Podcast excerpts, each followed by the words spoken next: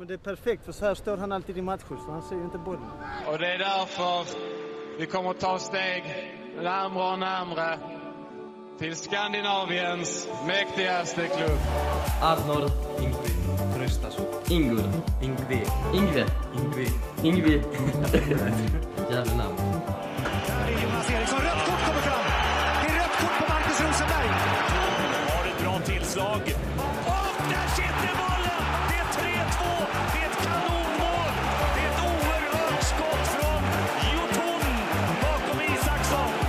Följer med fram igen. Får bollen och så hur bra som helst. Kommer det läge. Det sjunger mål! Ett oerhört vackert fotbollsmål av Malmö FF där Anders Christiansen är inblandad egentligen från början till slut.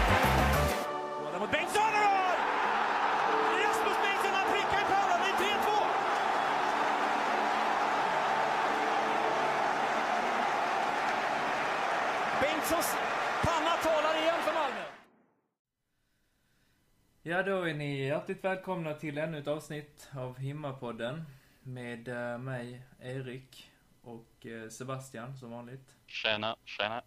Och idag har vi med oss eh, ännu en gäst, Rasmus. Vill du presentera dig själv lite grann för er som, för de som inte känner till? Eh, ja, nej men Rasmus Bengtsson heter jag. Eh, spe gammal spelare får jag väl säga nu. Från eh, bland annat Malmö FF och, eh, och lite så. Så eh, ex-spelare från MFF. Trevligt, trevligt. Eh, nej, jag skojar bara. De flesta känner nu till dig här. Jag tänkte vi, vi, eh, vi går igenom din, din långa och gedigna spelarkarriär här. För att du började, började du i Malmö eller? Ja, men jag började fotbollsskolan i MFF som ja, fyra, femåring där i fotbollsskolan. Och sen eh, gick jag hela vägen, alla ungdomslagen upp till eh, träna lite med A-laget. Men fick inget, eh, inget kontrakt med A-laget där ju. Så jag, då sökte jag mig till, eh, jag blev utlånad till eh, Trelleborg som låg i Superettan just då. Och eh, ja, på den, den vägen är det. Har du något minne av den tiden i Trelleborg där?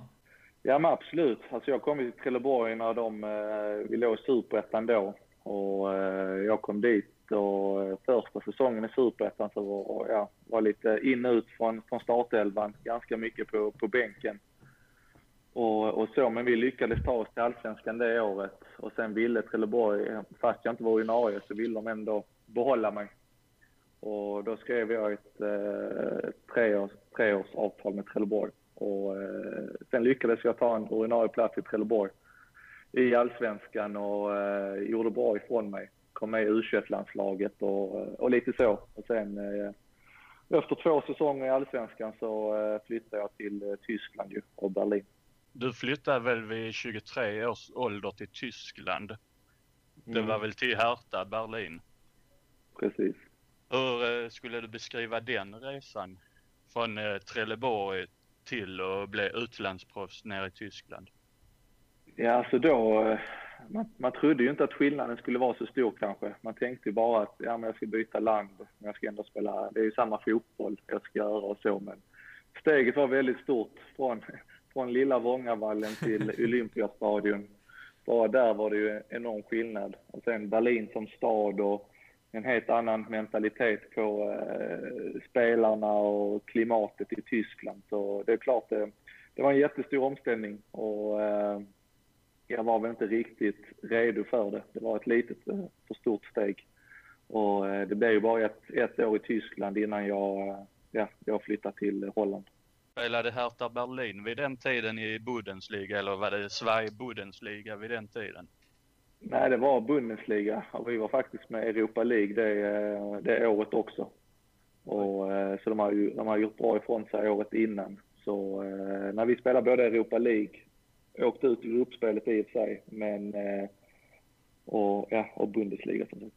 Sen blev det Holland och Twente. Liksom det kanske var det mest optimala steget att gå till Holland vid det tillfället då kan jag tänka mig.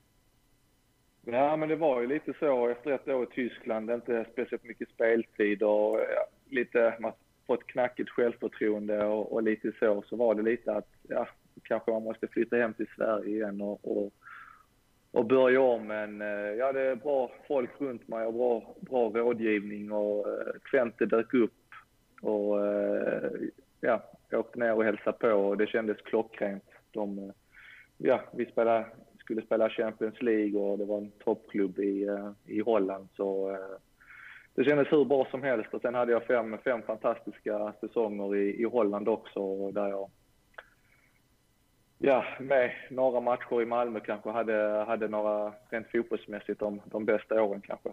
Tillsammans med ja, någon säsong här i Malmö också. Ja, för du blev väl, eh, har jag fel eller du blev lagkapten där också? Nej, men det stämmer. Det var efter andra säsongen tror jag det var. Som jag lyckades, eller lyckades, jag blev erbjuden och blev, blev kapten och eh, det är klart. Vi, var, vi slogs ju med Ajax och PSV varje år om, om guldet så det var, det var fina år och en fin klubb att, att spela i så eh, väldigt många goda minnen från den tiden. Har du alltid varit just den här mittbackstypen du är? Alltså ledaren i försvaret? Eller, eller var det något du utvecklade där i den Hollandstiden?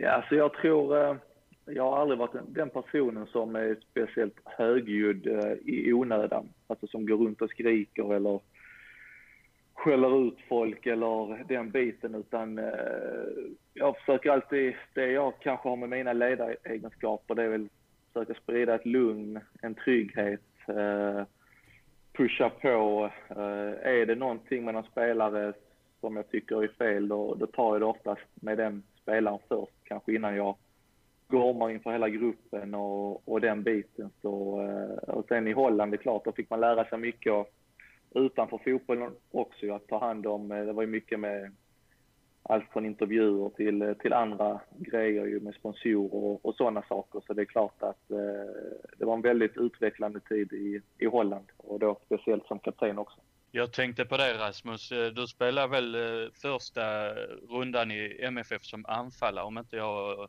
fel för mig. Mm.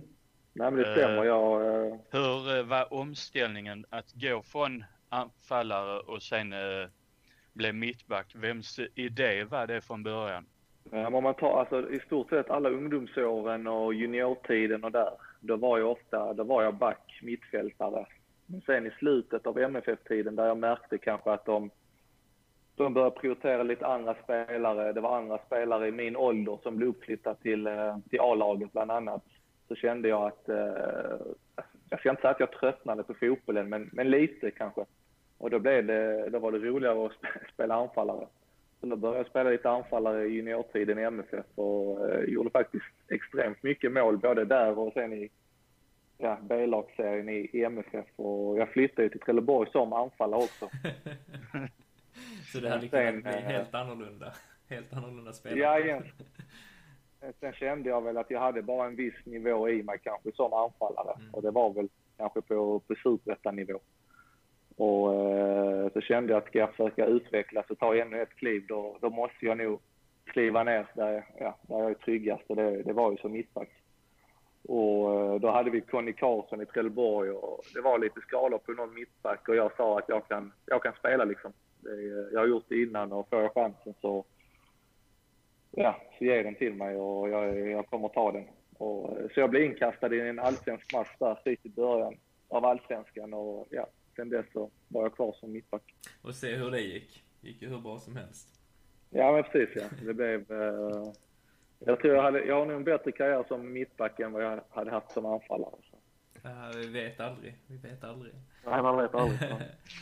Du, eh, jag tänkte på det sen eh, när du har haft dina fina fem år här i, i Holland. Eh, hur kom det sig att det blev att vända hem då? Nej, men det, det var väl inte helt, vad ska man säga, helt självklart. Utan jag var inte jätte, jag tror jag var 28 ungefär. Och 28, 29 och eh, mitt kontrakt gick ut i Holland och jag hade några trevliga erbjudanden från, eh, ja, både ekonomiskt ifrån Kazakstan. Jag hade från seri mindre Serie A-klubbar och mindre La Liga-klubbar. Men eh, det var något som, det lockade lite extra med MFF. Och eh, ja, jag hoppade på MFF och eh, ja, som sagt, jag hade fantastiska år i, i Malmö med allt från Champions League och SM-guld och, och allting. Så eh, det, eh, jag är glad att jag, att jag gjorde det och att jag inte valde något annat faktiskt. Mm. Sen tänker jag, du snackade eh, bara nu precis här om eh, Champions League-resan. Hur eh, skulle du beskriva den eh, resan ni gjorde när ni tog er in från grupp, eller från avancemang in till Champions League? Hur var liksom känslan i, för dig personligen och gruppen vid den tiden? Nej, men det är klart, alltså, när jag växte upp där i ungdomsåren i MFF och såg på MFF, det var inte, det var ju, ja, det var ju superettan-tiden och sen några knackiga år i allsvenskan. Så det, det fanns ju en kartan att, när jag var liten att MFF skulle ut i Europa och framförallt inte Champions League. Så eh, alltså med de kvalmatcherna och när vi väl lyckades göra det, det är klart att det är, det är väl, alltså vad ska man säga, det största bedriften kanske att man har lyckats vara med och ja, då framförallt med MFF och, och ta sig till, till Champions League. Så det är klart att det är extremt stort och något jag är extremt stolt över också. Sen eh, har du ju mött eh, världsspelare som eh, Ronaldo, Cavani, Di Maria samt den långe. Ja, han ska eh, Men eh, jag tänker ju liksom hur det var att möta sådana här stora spelare när ni väl är inne i Champions League och tänker man något på att nu kommer Di Maria mot mig eller Cavani kommer att göra bort mig eller hur tänker man i det stadiet? Nej, alltså det är alltså, alltså innan matcherna och när man såg att vi skulle möta PSG och Real och så, det är klart, klart att det är på ett sätt är det häftigt och eh, för det är också, det är ju lag man sitter och tittar på själv när det är Champions League och, och sådana grejer. Men när man väl kliver, kliver in på planen och matchen är igång så eh, tänker man inte alls vem som är på andra sidan utan uh, om det är Cavani eller om det är uh, ja, Oremo eller vem det nu är liksom. Det är, det är, det, det är skitsamma om jag ska vara ärlig. För jag, jag vill minnas att Åge snackade väl någonting om att eh, det är likadana spelare som representerar Malmö, att de, de har två armar och två ben. Nej men så är det ju. Och, eh, alltså, det är världsstjärnor på absoluta toppen men det, de, de är vad ska man säga, likadana människor som, eh, som oss. Så på så sätt är det ju ingen skillnad. Det är bara att de är lite skickligare med, med bollen på planen ju. Men det är ju, eh, det är vanliga, vanliga människor det också. Alltså det, det, det, är rätt stort tycker jag. Men, men ni har haft så otur i det att ni har fått två väldigt bra lag mot er i, i gruppspelet. Alltså det hade ju kunnat vara en lättare väg också. Mm. Men samtidigt så, så har ni ju fått möta väldigt bra lag också. Så att det har ju varit kul för oss supportrar att se också samtidigt. Och kanske för er spelare också att spela. Men eh, jag tänkte på det, alltså det måste ju ha varit en dröm dels att komma tillbaks till Malmö, din, din modersklubb. Eh, och sen också då få spela i, i, i just Champions League. Vad, vad, var det som var nyckeln till att ni nådde så långt? Alltså var det lagstrukturen, individuellt spelarna eller gruppen i helhet? Ja, men alltså, ja, men det är klart för det första hade vi, alltså vi hade bra spelare, vi hade bra folk, tränare och ledarstab och och framförallt ja, publiken som är alltså väldigt hög och bra nivå, hela den biten. Och sen hade vi individuellt spelare också som, alltså det passar i vissa matcher med erfarenhet och eh, Europaspel och, och hela den biten också. Det, det är inget man ska, man ska underskatta med, med vissa spelare att det, det passar sådana avgörande matcher. Det är, vissa spelare tänder till lite extra och vissa spelare kanske blir lite mer nervösa och presterar sämre. Så eh, det gäller att hitta, hitta rätt spelare alltså, till båda delarna om man säger. Så där tycker jag att vi hade, hade bra folk och haft de senaste åren också. Så, eh, hela, hela det paketet med, med spelare och med publik i ryggen och, och allting.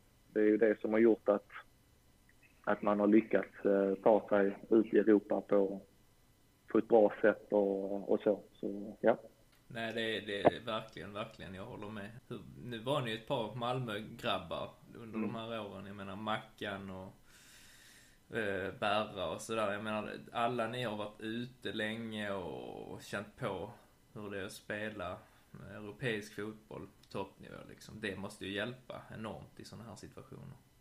Ja, men lite så är det och framförallt när det blir alltså, avgörande matcher och det är mycket nervositet och, och, allt, allt vad det kan vara, allt, allt tryck som är på matchen. Så det, det är klart att har man lite extra erfarenhet i, i bagaget och, och i gruppen som kan skapa en liten, en liten trygghet så det är klart att det, det kan vara en fördel också. Du har ju spelat med en hel del uh, olika personer bredvid dig i mittbackslåset. Mm. Har du någon speciell uh, du skulle vilja ta upp där, alltså som kompletterade dig bäst eller som ni hade bra kemi ihop? I alla lag egentligen. Ja, alltså. Det är jättesvårt att säga. Det är, eh, det är lite också med tränare man har haft, hur mycket förtroende man har fått, hur mycket eh, vill tränaren att man ska vara en ledare, hur mycket har han prioriterat någon annan och, och, och hela den biten. Så det är, alltså jag trivs med alla. Det är ett tråkigt svar. Det finns väl egentligen ingen, det finns väl ingen som jag inte har alltså, trivts med egentligen, utan alla har haft sina fördelar och och, och sina nackdelar och, och hela den biten. Så, eh, men det är klart, alltså om jag tar där jag fått störst ansvar och störst ledarroll under MFF-åren, det, det är kanske med Ove i så fall ju. Så det är väl under den perioden som, det är väl han som kanske har fått mig att känna mig bäst, om man säger så.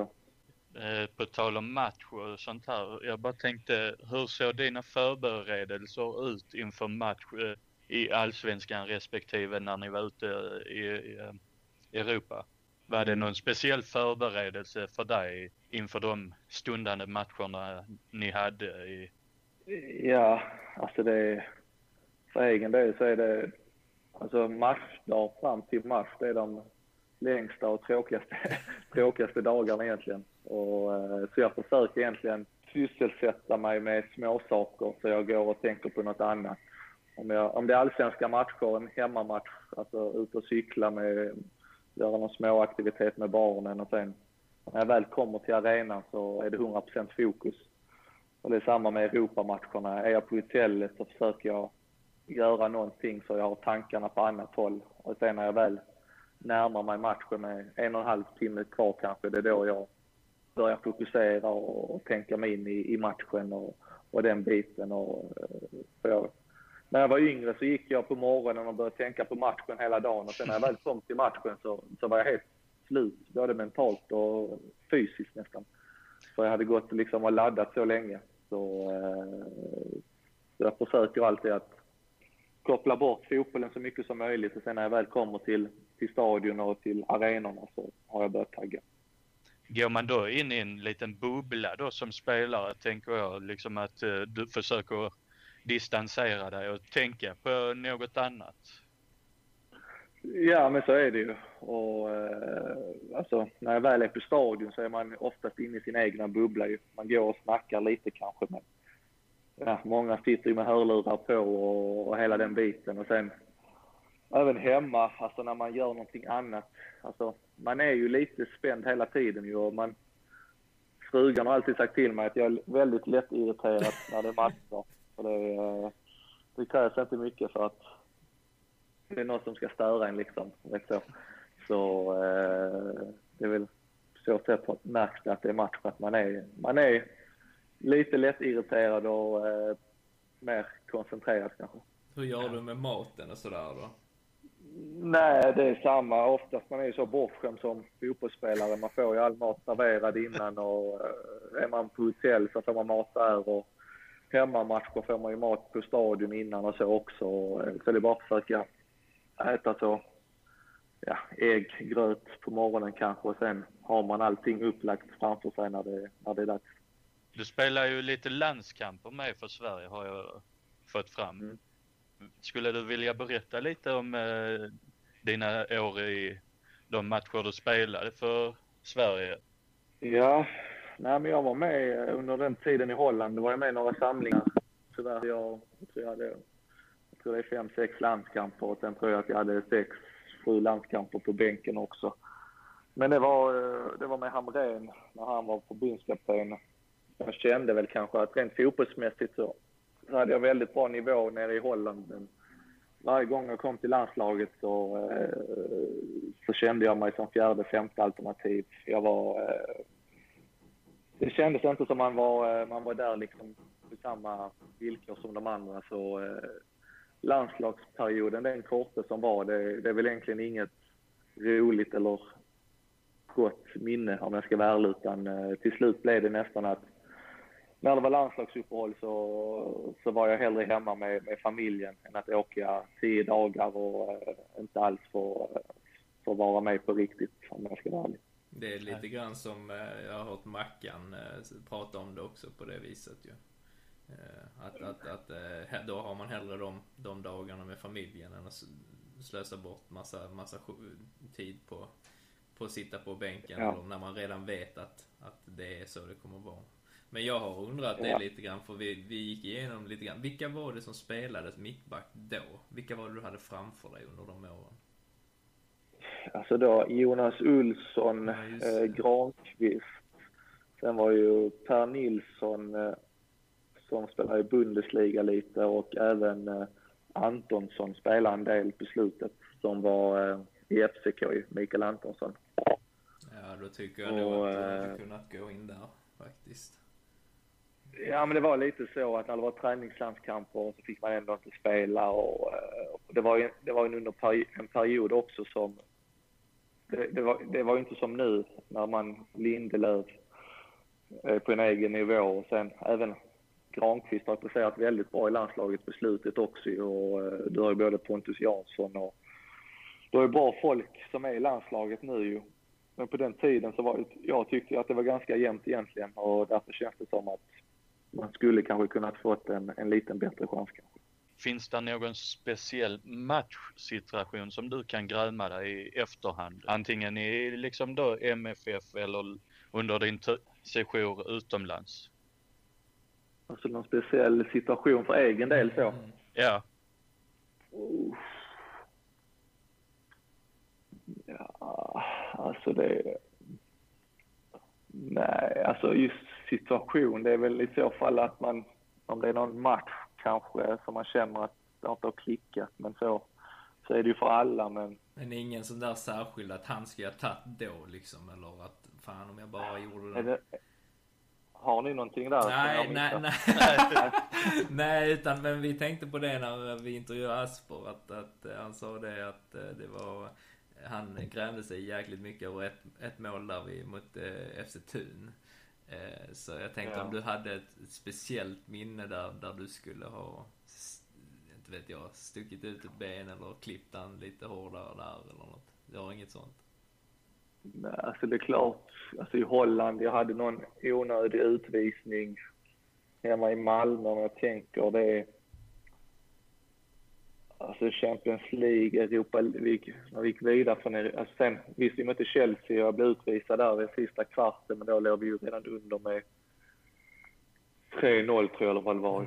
Så det var, det var inget matchavgörande så kanske, men uh, nej, jag är ledsen, jag kommer inte på. Det är lugnt, det är lugnt. Det är lugnt. Du, när, när du eh, flyttade utomlands som, jag tänkte 23 års ålder, det är ganska tidigt egentligen. Hade du någon eh, var du ensam, helt ensam eller flyttade du dit med någon, någon flickvän eller så? Eh, eller? Ja, jag hade flickvän men jag flyttade ner första, i stort sett första halvåret bodde jag nästan själv nere i Tyskland. Men eh, problemet där, så här i efterhand, man tänkte inte på det just då men man hade väldigt mycket besök både av vänner och, eh, och familj. Och oftast hade man vännerna nere så de var ju nere för att de ville se fotboll och, och festa lite kanske. Och saken då när man själv inte spelar kanske, då är det lätt också att man kanske hängde med en runda och, och lite så. Så det blev väl, fokuset blev väl kanske lite fel. Man kom in i fel hjul om man säger kanske. Det blev lite dålig fokus och lite dålig kvalitet från egen del på fotbollen kanske. Och sen blev det lite för mycket nöje och hela den biten istället kanske. Så, eh, har den biten ändrats eh, med åren, tror du? Eller är det individuellt, den, den inställningsgrejen? Alltså, man hör om vissa spelare som eh, absolut inte äter eh, vissa saker eller är väldigt extremt eh, disciplinerade när det kommer till andra saker.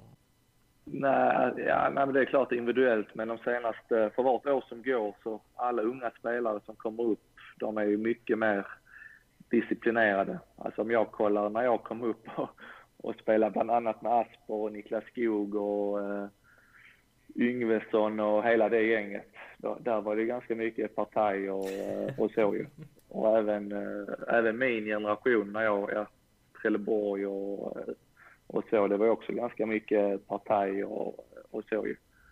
Men eh, alltså 90-talisterna i stort sett är ju knappt alkohol, det är ju maten är mycket bättre och mycket mer tränade och fysiskt förberedda och hela den biten än, än vad det var för, för tio år sedan. Så eh, det har ju bara blivit, blivit bättre. Även om man kan sakna det gamla ibland också. Vad skulle du säga det har varit det bästa med att eh, representera Malmö FF? Alltså för egen del så har det ju varit att, som sagt, jag har ju vuxit upp med MFF. Jag har ju själv varit en, eller är en alltså supporter som stått i klacken och följt matcherna som du säger där innan mot FC Thun där man har försökt men aldrig riktigt nått in i Europa och eh, man alltid har drömt om det själv ju.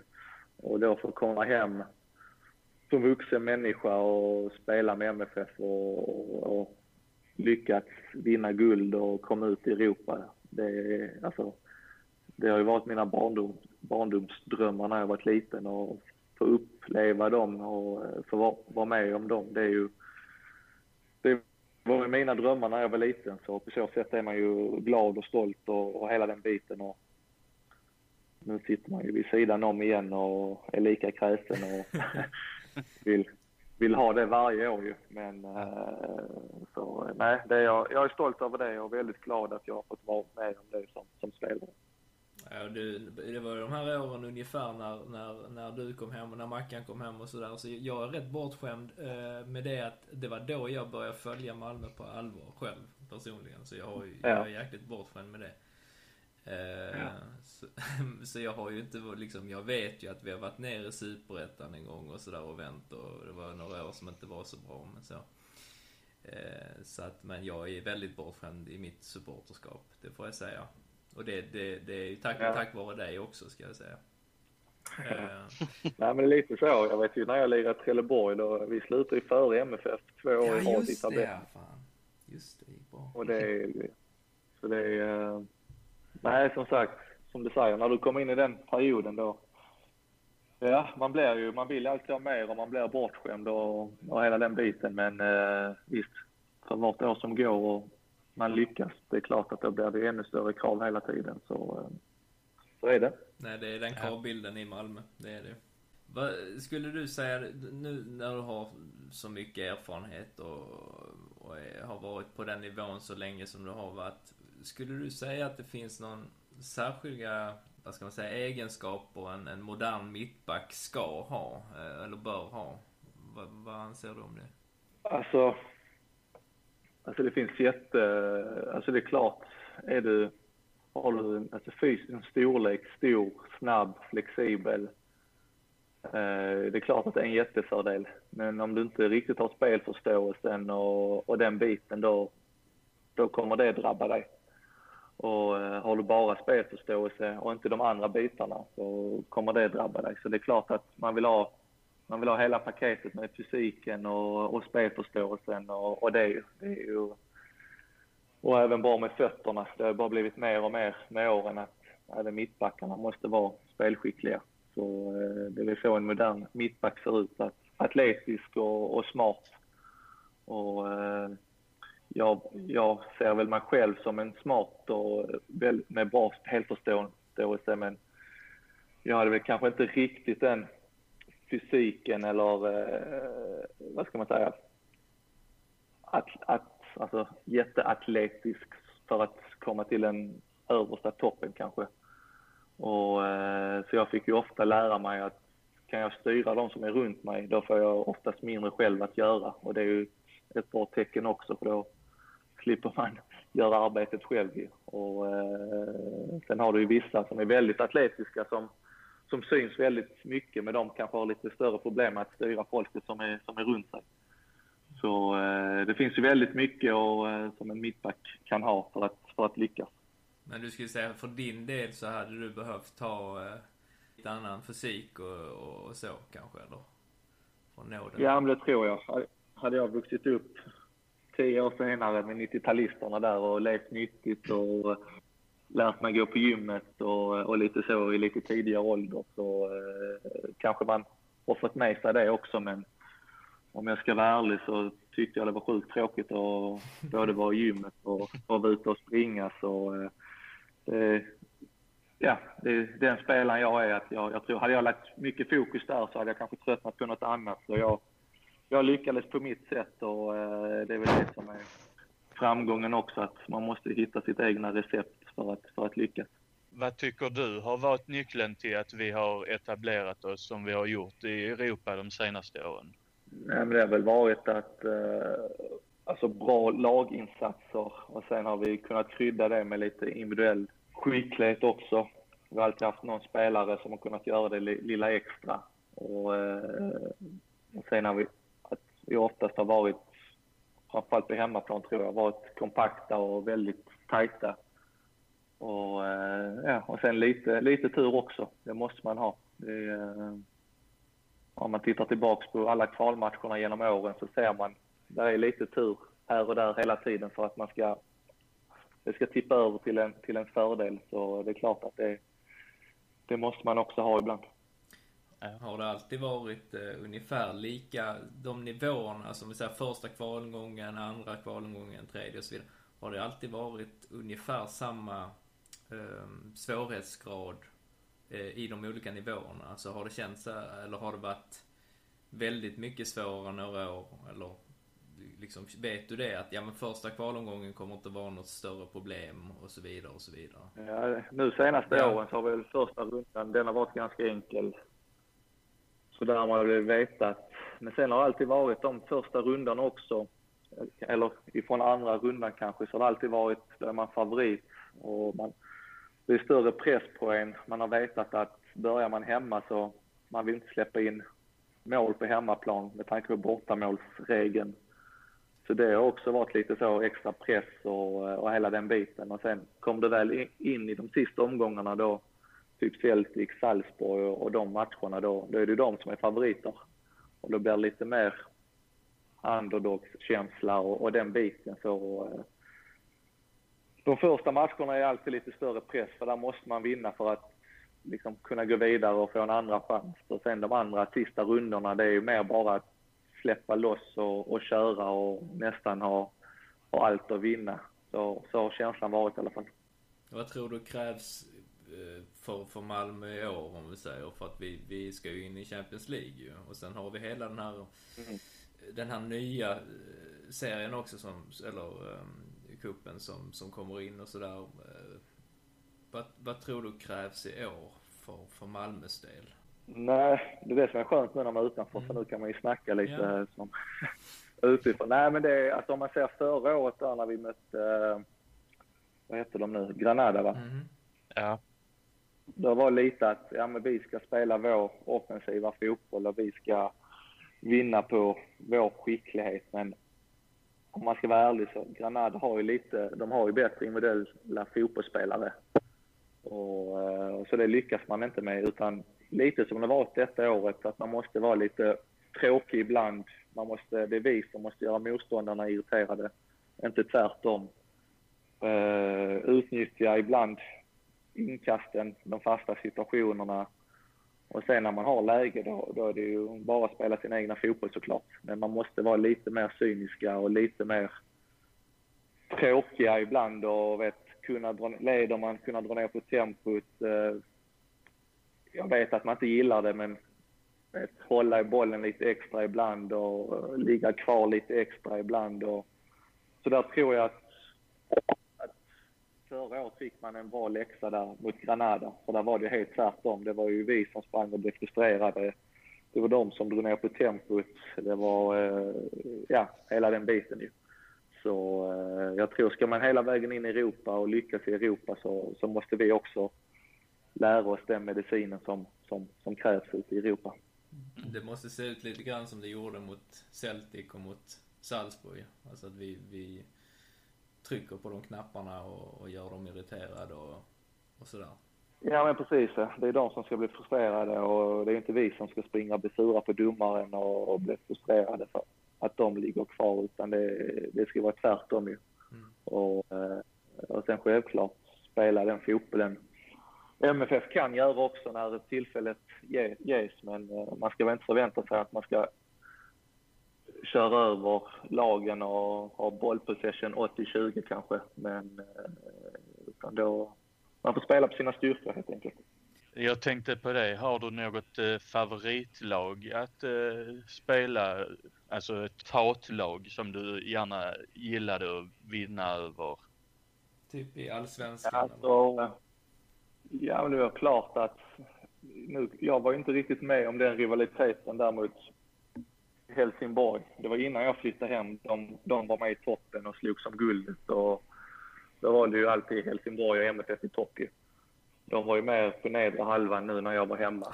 Så det blev väl aldrig den riktiga, även om det var derby och viktiga matcher, där blev väl aldrig något riktigt rivalitet så. Det är väl mer Stockholmslagen. Jag vet, AIK har ju blivit en liten sån, sån lag känns det som, med tanke på eh, deras målgester lite så uppe i Stockholm för något år sedan. Och, och sen har Hammarby har alltid försökt hänga på lite och de är rätt snacka upp sig och hela den biten. Men de, de lyckas ju heller, heller inte riktigt på plan nu, så det känns ju som att alla vill komma åt MFF. Men MFF är hela tiden lite för bra för att någon ska komma åt, komma så. Att de ska komma så. Det är skönt att höra alltså. Och, eh, ja, men det är ju lite så. Sen är det, vet, ibland, det är klart, ibland förlorar MFF någon match och då, då märker man ju att då, då tar ju alla klubbar och fans läget att, att, att snacka lite. Och det, är, det är ju härligt, för jag älskar ju själv när det är lite trash talk både utanför och, och på plan. Så jag tycker ju bara att det, det skapar ju bara ännu mer intresse. Så eh, jag tycker ju att det är härligt när det är, det ska finnas rivalitet. Det det Fanns det, fanns det även eh, sån eh, lite, var liksom mycket när eh, man säger ni mötte Djurgården eller AIK, att ni liksom hetsade varandra inför matcherna, skickade diverse sms till varandra? Och, Ja, men det, det är klart det fanns ju alltså, spelare som känner varandra väl i olika lagen och som snackar lite och så. Och sen klart att när man spelar toppmatcherna i Allsvenskan, det var ju en annan atmosfär både på plan och på läktaren Ja. Och eh, alltså, det ska vi vara ärliga och säga med att mötte vi vad ska vi säga, Varberg hemma eller om vi mötte AIK hemma. Det är klart att det var skillnad både, både på läktarna och på, på planen i, i, i atmosfären. Så eh, det är ju, men det är också de, de matcherna både publik och, och spelare vill, vill vara med om. Så, så länge det hålls på en bra nivå och det inte går över till alltså hot och hela den biten så, eh, så tycker jag bara att det är härligt. Kul. Men du, hur är det nu, är- ärligt att, att um, spela där uppe i, i, i badkaret? Vi tänker på, på Tele2 och så här. Alltså, den är inte bra va? Den mattan. Nej, alltså det är jättesynd för det. Alltså de har byggt, lagt så mycket pengar på alltså en fin arena med allt vad det är med faciliteterna i omklädningsrum och, och allting. Och så lägger de en sliten konstgräsmatta med en betongplatta under känns det som. Och, eh, som alltså det är ju inte, det är inte kul för dem heller egentligen. För att, Nej, jag fattar inte det Jag heller. De de- tränar ju där och de spelar där. Det måste ju slita enormt på, på, på dem själva också. Det är inte, alltså... ja, och sen jag såg ju nu här när MFF mötte Hammarby i premiären. Och då ser man ju alltså, ledarna från Hammarby efter matchen som säger att ja, vi är ju inte vana hur bollen rullar på gräset och hur den studsar. Och, alltså, då blir det bara att ja, det, är lite, det har blivit lite för mycket fokus på konstgräs och hela den biten. Och tyvärr så har vi, vi har inte lyckats allt, allt uppe i, på Tele2 ju, så eh, det är också en liten mental grej kanske. Men tyvärr så är det, det, är, det är jättestor skillnad. Det, det drabbar ju framförallt spelare som är uppvuxna på gräs och som är lite äldre kanske. Men fotboll ska ju spelas på gräs. Det, är ju, det ju, finns ju inget annat ju. Om det inte är inomhusfotboll, Nej. det är ju något annat.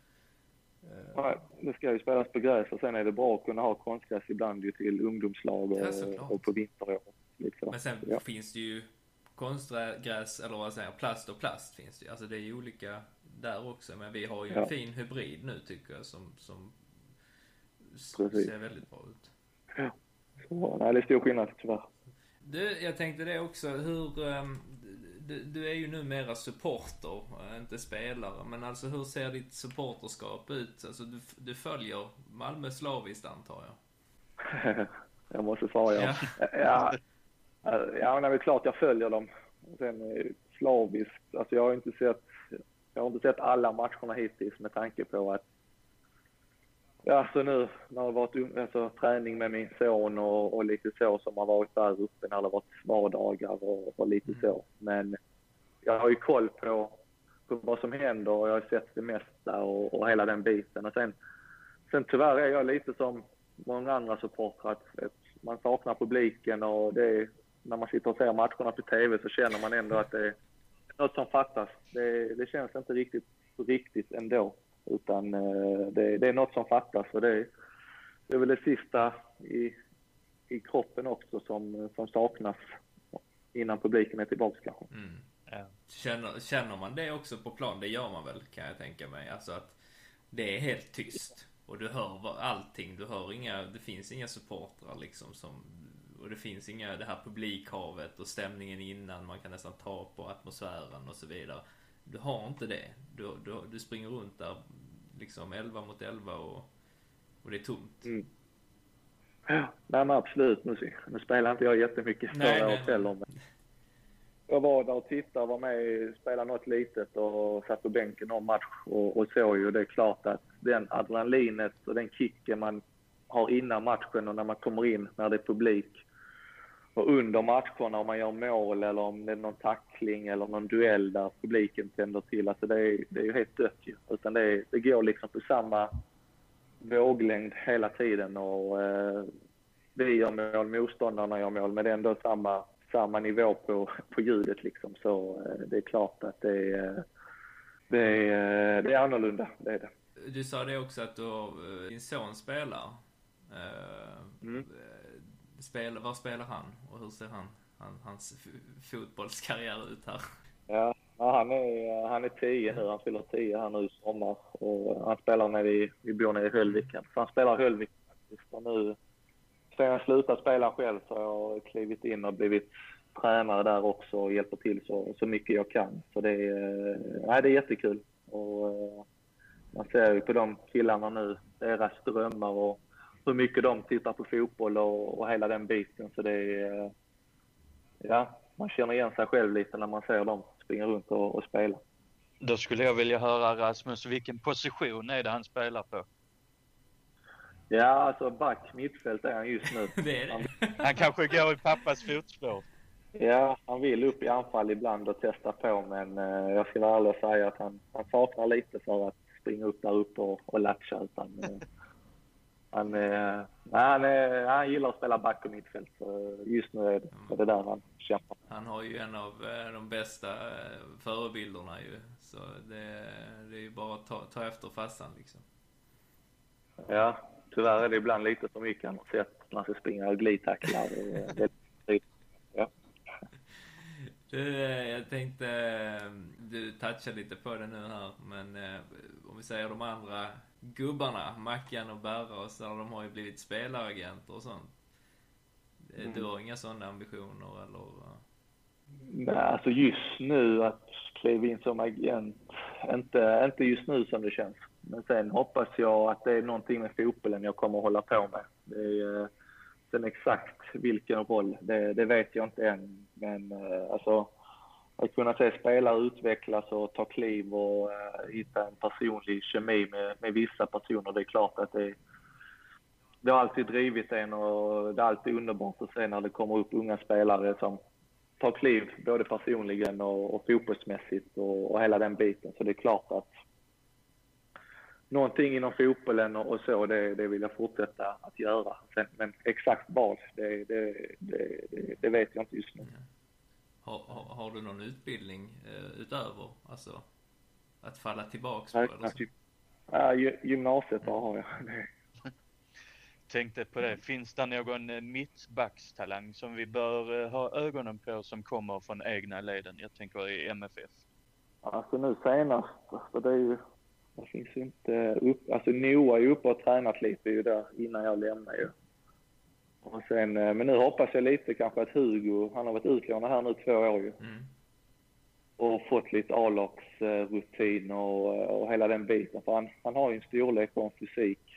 Och eh, kan han bara få på sig lite, eh, alltså rätt muskler och, eh, och hela den biten och få lite självförtroende så, eh, så hoppas jag att han kan kunna få en liten sån utveckling som Annel hade när han var utlånad till, till Danmark. För där såg man, jag, jag tränade med Annel innan han flyttade till Håbo och sen när han kom tillbaka på den korta perioden så såg man hur mycket som hade hänt med en spelare. Och, eh, så jag hoppas väl att Hugo kan komma tillbaka här nu i sommar kanske och, eh, och samla på sig det, det lilla extra som krävs kanske för att kunna kliva in. Jag är sjukt spänd på honom faktiskt. Det var, ehm, han gjorde ju ett bra, eh, ett bra inhopp också mot eh, Trelleborg tror jag det var, va? och gjorde mål. Den. Precis, Så att eh, jag var så här, där, nu kommer det en, en mittback här underifrån som, som gör det bra. Men sen så blev det inte så mycket mer där.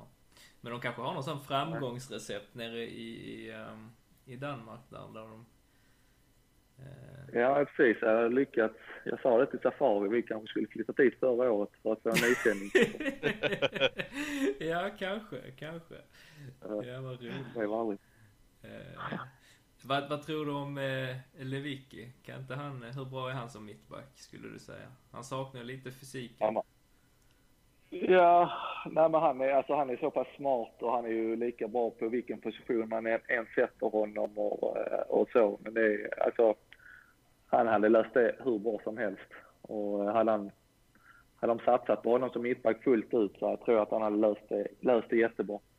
Och sen visst, storleksmässigt kan man alltid diskutera, men han har ju sån timing och, och spänst också så han eh, klarar sig jättebra. Det är, så jag tror längden där hade egentligen inte egentligen varit några problem. Det några små situationer kanske där man är stillastående, men det du förlorar ju dueller fast du är stor ibland också. Så eh, han är absolut, tycker jag, ett alternativ som, som mittback. Men om man vill det själv, det, det vet jag inte.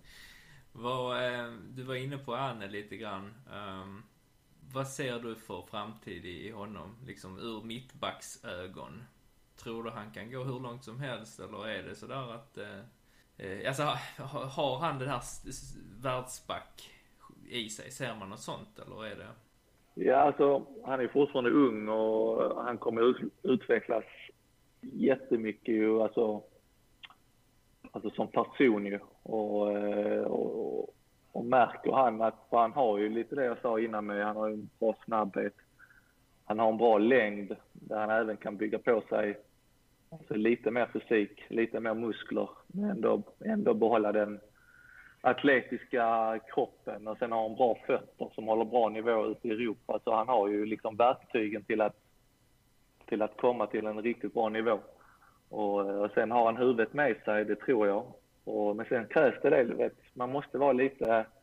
Ibland hade jag bara velat se Anel vet, upp med bröstet och bara gå in och smälla på och liksom visa att det är jag som är kungen, liksom. det är jag som ska vara nummer ett. Och, eh, men det tror jag också kommer lite kanske när han blir, alltså med åldern och, och hela den biten. Så eh, han har, jag tror absolut han har en väldigt, väldigt god framtid framför sig. Kul att höra, eh, höra lite från ur- det perspektivet. Jag menar, vi ser det ju i honom också, men då är man ju inte insatt själv. Man har inte spelat eh, alls på någon nivå, så man vet inte riktigt vad, vad man ska tro. Men det är klart att det intresset som finns kring honom just är ju, är ju enormt. Eh, Mm. Men du tror också att det krävs några få grejer där, alltså jag menar komma kanske till rätt lag där de tror på honom och sen den här utvecklingen man får med åldern och så vidare. Kanske att han får lite självförtroende och lite... Eh, ja, jag tycker jag ser lite av den här malmöitiska kaxigheten i han som, som ni alla har. Ja. Så att, eh, Ja, men absolut. Och, och sen liksom, han får i sig att...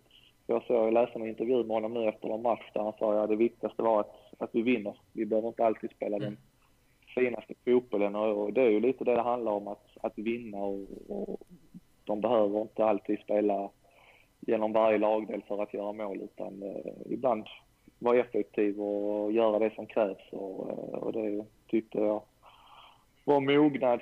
För oftast när unga spelare kommer upp så är det oftast att det ska vara rätt, det ska vara tekniskt, det ska vara fint och det ska vara tiki-taka och hela den biten men A-lagsfotboll handlar ju till slut om att få resultat och, och, och, och vinna och sen kom, ja, kommer skönspelet i, i andra hand kanske. Nu eh, när eh, de andra har slutat, om vi säger Mackan och, och Safari och, och även du då. Det här eh, Malmöanknytningen, jag menar, hur ska man lösa det? Det är ju så djupt eh, rotat i DNA och det är så användbart att man, man ska göra Nej, men alltså jag tror alltså det, det sitter lite i, i väggarna och sen är det oftast när spelare kommer dit så finns det spelare som har varit där ett tag och då blir det att de nya som kommer, alltså de lär sig hela tiden efter, efter ett tag liksom vad, vad det är som gäller och, och hela den biten. Och, så det är alltså, spelare kommer och går alltid men jag tror att den, alltså kärnan och den kraften som finns i klubben, den, den sitter kvar i, i väggarna. Och det krävs väldigt mycket för att den, den ska försvinna. Och då finns ju fortfarande spelare som Dalin, du har ju Lewicki som vi pratar om, du har Berget som har varit där många år nu totalt ju, även om han var iväg en sväng. Och jag Christiansen som har varit där några rundor och några år. Och, och sen även kommer det unga spelare uppifrån som har varit i akademierna och hela den biten. Så, och sen i ledarstaben med Danne, Johnny Fedel och, och allt så. Så jag tror där är hela tiden folk som lär de nya lite vad MFF vill och vad MFF står för och, och så, så de kan ta det vidare. Så eh, det, det tror jag inte är några problem och inget man är orolig för. Har, ehm, har du någon ehm, fundering kring, kring vad, för nu kommer ju, nu är det EM-uppehåll och, och sådär. Um, ska, Behöver vi göra någon ändringar? Och det här är ju klart en fråga som Danne egentligen skulle haft. Men jag tänker ur ett supporter, eh, dina supporterögon. Vad behöver vi göra? Behöver vi göra någon ändringar? Behöver vi ta in någon spelare? Och, och eh, hur, hur skulle det? Det är en svår fråga kanske. Det är en svår fråga. Nu är det väl lite här, jag vet inte. Ja, Ola blev ju långtidsskadad. Mm. Missade ju resten av säsongen. Men då är det lite så jag tycker du har ju några unga spelare, Sebastian Nanasi. Ska man försöka lyfta upp han lite extra eller ska man värva in en ny spelare där för att ersätta Ola? Och så är det lite ur dem, eh, det är svårt när man är lite utanför ju men... Eh, ja det hindrar inte oss, tycker... vi sitter och spekulerar hejvilt ändå. ja precis, och sen sitter man utanför så vill man alltid ha lite, vet, man vill alltid ha något kryddat mm. namn eller något spännande, spännande in och, och så, så är det alltid ju. Och, eh, men alltså de har ju ett väldigt bra lag och det finns, de leder i tabellen och det finns även lite till att hämta från laget. Och, eh, nej, alltså det jag tycker det ser bra ut. Men klart, man vill ju alltid krydda, krydda det med något, något extra. Men eh, ja, jag tycker det ser bra ut som det är just nu. Sen visst, säljer de någon spelare kanske eller tappar någon då, ja, Antingen lyfter de upp, upp underifrån eller så får de ju värva in. Men, eh, men ja, det får, det får Danny lösa. det gör han säkert. Vi har ju alltid en grej som vi vill äh, att våra gäster ska göra och det blir lite på uppstuds så du får, du får ha överseende med det. Men Sebbe, du kan ta den, den grejen. Så vi vill bara höra liksom hur din MFF-dröm hade sett ut? Ja, Nej, men då tar jag eh, målvakt. Ja, då måste jag ta min goda vän Dahlin. Jag tycker han är... Eh, ja, stabilaste målvakten kanske jag har spelat med eh, någonsin. Och eh, väldigt... Ja men Johan Dahlin, trygg, allt, allt vad det är. Eh, högerback, eh, ska jag tänka tillbaks lite. Jag spelade ju någon, två säsonger tror jag med Timmerholm. Eh, vem spelade där innan? Var det inte Concha som spelade där vid något tillfälle med?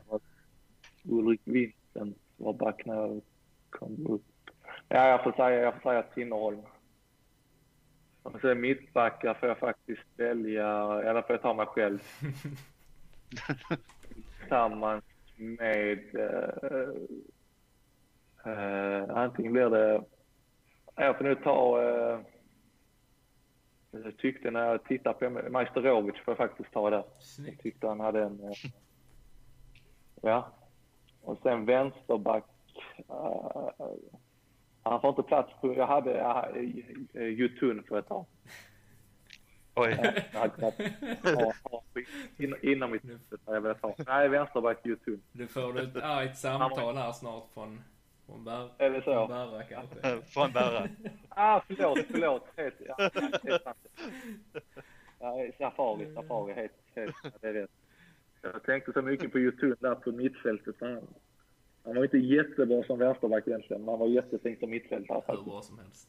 Uh, uh, nej, Safari vänsterback, ursäkta mig, det har ni helt rätt. Uh, sen har vi ju uh, chansspelarna med, uh, det finns ju så många. Uh, centralt börjar vi med Christiansen tillsammans med, uh, alltså jag älskar ju Hasse Mattisson. Jag får ta Christiansen och Hasse Mattisson. Oj. Och eh, kantspelare har vi... Eh, alltså det var ju på den tiden jag växte upp. Det var ja, Yngvesson till vänster. Andreas Yngvesson. Jag tyckte han hade en härlig stil alltså. Och till höger sätter jag in eh, eh, Jo Inge Berget. Och sen på topp har vi Niklas Skog och eh, Rosenberg. Den är fin den elvan alltså. Här- Ja, ja, nu är det ju inte bara fotbollskvalitet. utan nej, det är nej, lite alltihop. känslan jag hade. Hur bra som helst ju. Eh, Ja, det var en bra blandning också. Men den enda som eh, inte får med då det är Bosse Larsson och sådär. Men det är din elva så att det... ja. ja, det var ju lite... Alltså jag var ju aldrig med. Jag Nej, såg inte dessa. Och, samma eh, här. Sen kan man kan, kanske diskutera Yngvesson, men jag, jag vet inte. Han hade ju en löpstil här på vänsterkanten. Han, det var ingen spelare man spelar på fötterna kanske, utan han var ju tvungen att löpa in för att få läget och, och så. Men, ja, det, det var någonting med honom där när de vann guldet där ju, som, eh, som ja, jag gillar. Kul. Ja, det var en fantastisk elva. Jag, jag eh, säger så, vi har inte så mycket mer just, just nu utan jag tycker att det här var rätt, rätt lämpligt. Vad säger du själv? Nej, jag är jättenöjd. Jo, just det. Vi har här en fråga om... Den kan du ta Sebbe. Sista. Eh, som sagt, eh, jag tänkte avsluta med eh, vad kan du, hur eh, tycker du MFFs nyförvärv, jag tänker liksom på eh, Birman Sevic och Colak, hur tycker du de ser ut? Tänker mer ur supporteröga.